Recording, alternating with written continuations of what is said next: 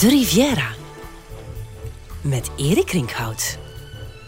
Niet alleen aristocraten, gezette burgers en gekroonde hoofden strijken neer aan de Côte d'Azur. De prachtige rotsachtige kust trekt ook jonge architecten en ontwerpers aan. En dit is het verhaal van twee intussen gerenommeerde architecten. Laten we beginnen met Aileen Gray, een Ierse architecte en ontwerpster die tussen 1926 en 1929 een modernistische villa bouwt in Roquebrune-Cap Martin. Ze noemt het haar Little House by the Sea. Een witte, strakke villa die een wijds panorama biedt over de zee, tussen Menton en Monaco. Eileen Gray wordt geboren in een, ja, ik moet het toegeven, rijke en aristocratische Ierse familie. Maar al snel gaat ze behoren tot de vooruitstrevende bohème in Parijs. En ze is al 46 als ze in 1924 samen met haar levenspartner Jean Badovici begint te werken aan het ontwerp voor haar villa in Roquebrune-Cap Martin. Die villa die kennen we intussen als E 1027. Eh, het lijkt wel een, een code van een, in een James Bond film of zo. Maar elke letter en elk cijfer heeft een betekenis. De E1027 staat voor de namen van het koppel. De E staat voor Eline. De 10 voor de tiende letter van het alfabet, en dat is de J van Jean. De 2 refereert aan de B, het tweede letter van het alfabet, refereert aan Badovici, zijn familienaam. En 7 is de G, de zevende letter van het alfabet, voor Gray. Dus op die manier hebben we in E 1027 hun beide namen staan. Ellen Gray heeft veel gereisd.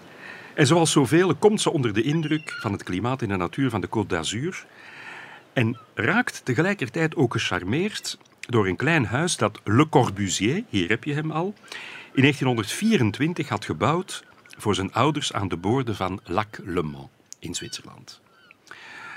Tegelijkertijd stond ze ook erg kritisch tegenover de ontwerpen van de Zwitserse architect Le Corbusier.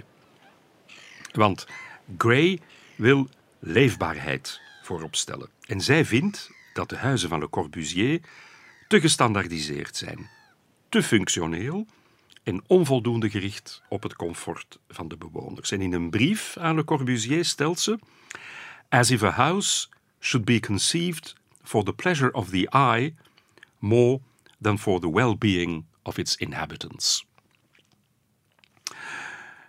De Villa E 1027 is haar eerste architecturaal ontwerp. Aanvankelijk heeft ze de bedoeling om een soort refuge te bouwen.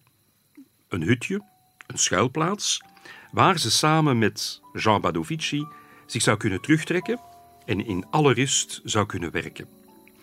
Maar gaandeweg neemt het project steeds grotere vormen aan. Jean Badovici wil dat ze er ook vrienden kunnen ontvangen en dat die vrienden ook kunnen blijven slapen. En zo ontstaat stilaan een witte, strakke modelwoning, integraal en ingenieus ontworpen door Eileen Gray zelf. Het huis is niet groot, maar er is plaats voor een gastenkamer en, ja hoor, een kamer voor de dienstmeid. De villa lijkt op een kleine oceaanstomer, een pakketbootje, aangemeerd tussen de rotsen van Roquebrune. Het is een witte doos, als we het een beetje oneerbiedig moeten zeggen. Met hier en daar een blauw accent, gebouwd op sierlijke palen, met een ruim terras en grote ramen die uitkijken over, uiteraard, de Middellandse Zee. En Gray heeft het huis zo ingebouwd dat ze de natuur, de geografie van dat kleine stukje uh, kan gebruiken. Zeedennen beschermen het huis tegen de wind en de buitenkeuken heeft Gray aan de noordkant gezet, zodat ze daar gebruik maakt van de natuurlijke schaduw. Zoals ik al zei, ze ontwerpt alles zelf. Meubels, tapijten, fauteuils, de beroemde Transat, geïnspireerd op de lichtstoelen van cruiseschepen, tot de Bibendum-stoel. En ook een zwarte lederen zitbank met een stalen frame en in de hoogte verstelbare bedtafel. Het is allemaal bijzonder ingenieus in elkaar. Het is een rationele indeling. Ze maakt gebruik van verplaatsbare wanden en muurkasten. De centrale open ruimte en de grote raampartij met zicht op zee lijken de villa veel groter te maken dan ze in werkelijkheid is. Minimale oppervlakte, maar gecombineerd met een optimaal comfort en vrijheid. Maar, kort na de voltooiing van het huis, gaan Gray en Badovici uit elkaar. Gray verhuist naar Menton en gaat op de Route de Castellar, in de heuvels boven de stad, een nieuw huis bouwen voor zichzelf. Terwijl Jean Badovici de eigenaar blijft van de villa tussen de rotsen in Roquebrune. Hij blijft daar wonen tot zijn dood in 1956. En intussen komt Le Corbusier echt op de proppen. Le Corbusier was een van de goede vrienden van Badovici, is regelmatig te gast in Roquebrune en begint met de toestemming van Badovici kleurrijke taferelen aan te brengen, muurschilderingen in de villa, de witte villa. Hij doet dat in 1938 en 1939 en het gaat om kleurrijke taferelen met hoofdzakelijk naakte vrouwen. Aileen Gray was niet onder de indruk. She was not amused. En ze vond dat alles wat Le Corbusier daar deed, de integriteit van haar ontwerp teniet deden. Tijdens de Tweede Wereldoorlog worden de schilderingen zeer zwaar beschadigd, maar Le Corbusier blijft er komen en restaureert de meeste eigenhandig tussen 1949 en 1963. Hij drukt zijn eigen stempel met die muurschilderingen op het ontwerp van Aileen Gray, maar tegelijkertijd moet hij toegeven dat hij zeer onder de indruk is van haar ontwerp.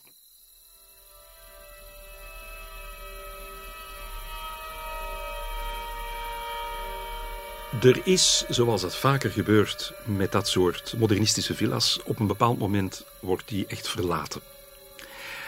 En valt hij ten prooi aan vandalisme. De villa zelf en de omgeving is opgekocht door de Franse staat en is intensief uh, gerestaureerd. Men heeft, aangezien ze dus gevandaliseerd was, heeft men een aantal meubelen opnieuw moeten aankopen. En men heeft ook een aantal kopieën moeten maken, zodanig dat men het interieur in zo goed mogelijk de oorspronkelijke staat kon herstellen. Sinds een jaar of vijf, ik denk 2015 of 2017, is de villa opnieuw toegankelijk. Maar je kunt er niet zomaar binnenstappen. Ze is trouwens ook niet zo gemakkelijk bereikbaar. Dus je moet je auto parkeren aan het station, het treinstation van Roquebrune, Cap Martin. Het is ook moeilijk om daar te geraken, want het is, zoals ik al zei, zeer rotsachtig. En het zijn kleine, smalle, steile wegen, dus er is ook niet heel veel parkeerplaats. Dus eigenlijk ga je er best naartoe met de trein. Je stapt dan ook uit in het station van Roquebrune Cap Martin en van daaruit ga je met een gids langs een wandelpad in de rotsen tot aan de villa. En je kunt de villa dus vanaf nu met een gids gaan bezoeken. Maar die biedt dus een prachtig zicht natuurlijk. Hè. Ze is in perfecte staat hersteld.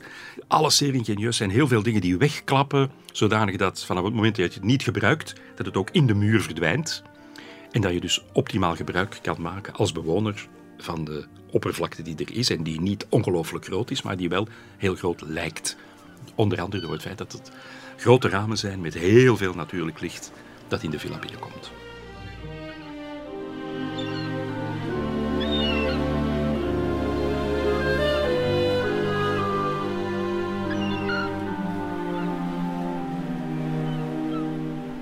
Ik was onder de indruk van de villa, maar tegelijkertijd vind ik het ook een beetje aan de koele kant. Hoewel Erin Gray geprobeerd heeft om die strakheid te mm, temperen door bijvoorbeeld het gebruik van witte zeiltjes. Wat helemaal dan de indruk heeft dat, dat je in een soort schip zit natuurlijk. Zeiltjes die kunnen gebruikt worden om de zon buiten te houden als uh, ze door die grote raampartijen naar binnen komt. En dus dat geeft dan weer wel iets sierlijks en speels aan, uh, aan het huis. Uh, ik moet zeggen dat ik de muurschilderingen van Le Corbusier eigenlijk wel leuk vindt omdat ze kleuraccenten leggen. Want voor de rest is de villa natuurlijk vrij strak uh, gebouwd en strak gekleurd en ingericht. Hè. Le Corbusier komt er vaak. Hij komt er vaak omdat hij een goede vriend van Badovici is. In 1952 bouwt hij naast de villa, die witte villa, zijn blokhut. Dus een cabanon de vacances. En hij schrijft: Ik heb een kasteel aan de Côte d'Azur. Nu, het is geen kasteel natuurlijk. Zijn blokhutje meet 3,66 meter bij 3,66 meter. Niet groot, hè? Ik heb het gebouwd voor mijn vrouw, zegt Le Corbusier. Het is extravagant qua comfort en vriendelijkheid. Dus in werkelijkheid gaat het om een eenvoudige houten hut. Primitief en ingenieus tegelijkertijd. Helemaal ontworpen volgens de principes van menselijke proporties, die Le Corbusier modulor noemt, 226 centimeter hoog. Dus de hoogte van een rechtopstaande man of vrouw met een uitgestrekte arm, een arm omhoog. Maar het opmerkelijke is natuurlijk dat het niet gaat om zo'n typisch strak gebouw, waarvoor we Le Corbusier toch wel kennen. Nee, de buitenkant van zijn cabanon is helemaal bekleed met houten boomstammetjes. Alsof het een echte blokhut is. Aan de binnenkant helemaal hout, maar wel strak. Zeer functioneel. Hij heeft daar, kun je voorstellen, een schrijftafel, een rusthoek, een toilet, een wastafel, een eettafel en een kapstok. Allemaal op die zeer kleine oppervlakte, gewoon omdat het zo ingenieus in elkaar zit en ook daar van alles in de muren zit of weggeklapt kan worden. Het lavabootje komt uit de muur, bijvoorbeeld, het wastafeltje. Voor alle duidelijkheid, de douche was buiten. Want Le Corbusier was een natuurmens, hoe gek het ook mag klinken. En hij was graag één met de natuur en hij wou natuurlijk uiteraard zijn douche gewoon buiten hebben. Die cabanon is ter plaatse in elkaar gestoken als een soort mechanodoos. Dus allerlei elementen werden daar ter plaatse geleverd. En die werd dus in de rotsen zelf werd die gewoon samengesteld als een klein doosje. Le Corbusier bracht daar ter plaatse met zijn vrouw Yvonne de zomers door tot zij overleed in 1957. Maar hier eindigt het verhaal niet. Vlakbij zijn cabanon, vlakbij dat hutje, bouwt Le Corbusier jaren later nog een reeks van vijf kleurrijke unités de camping, volgens dezelfde principes. Kleine vakantiewoningetjes, en in elke unité, die acht vierkante meter groot was, kunnen twee mensen slapen. Ze hebben een horizontaal raam met uitzicht op de zee. Nog altijd te bezoeken op dit moment, schitterend gerestaureerd. Tussen 1957, de dood van zijn vrouw, en 1965 verblijft Le Corbusier regelmatig. Hij komt altijd opnieuw naar Roquebrune, omdat hij zo van de zee houdt en van zijn eigen château, zoals hij het noemt. Hij gaat ook regelmatig zwemmen. Maar zijn dokter raadt hem dat stilletjes aan af. Le Corbusier wordt ouder en heeft blijkbaar toch hartproblemen. En vermoedelijk sterft hij in 1965 terwijl hij aan het zwemmen is in de zee. Vermoedelijk was er een hartaanval. En zijn lichaam spoelt een beetje later aan op het strand. Le Corbusier is 77 geworden. En ook dan blijft Roquebrune een rol spelen in zijn leven, of in dit geval in zijn dood. Hij wordt begraven helemaal bovenaan Roquebrune, dus de Roquebrune Village. Um, wordt begraven naast zijn vrouw, onder een grafsteen die hij zelf ontworpen had. Sober, beton, met enkele primaire kleuren. Het uitzicht dat je hebt vanaf zijn graf over de hele omgeving is gewoon adembenemend. Hij ligt dus, met andere woorden, schitterend begraven.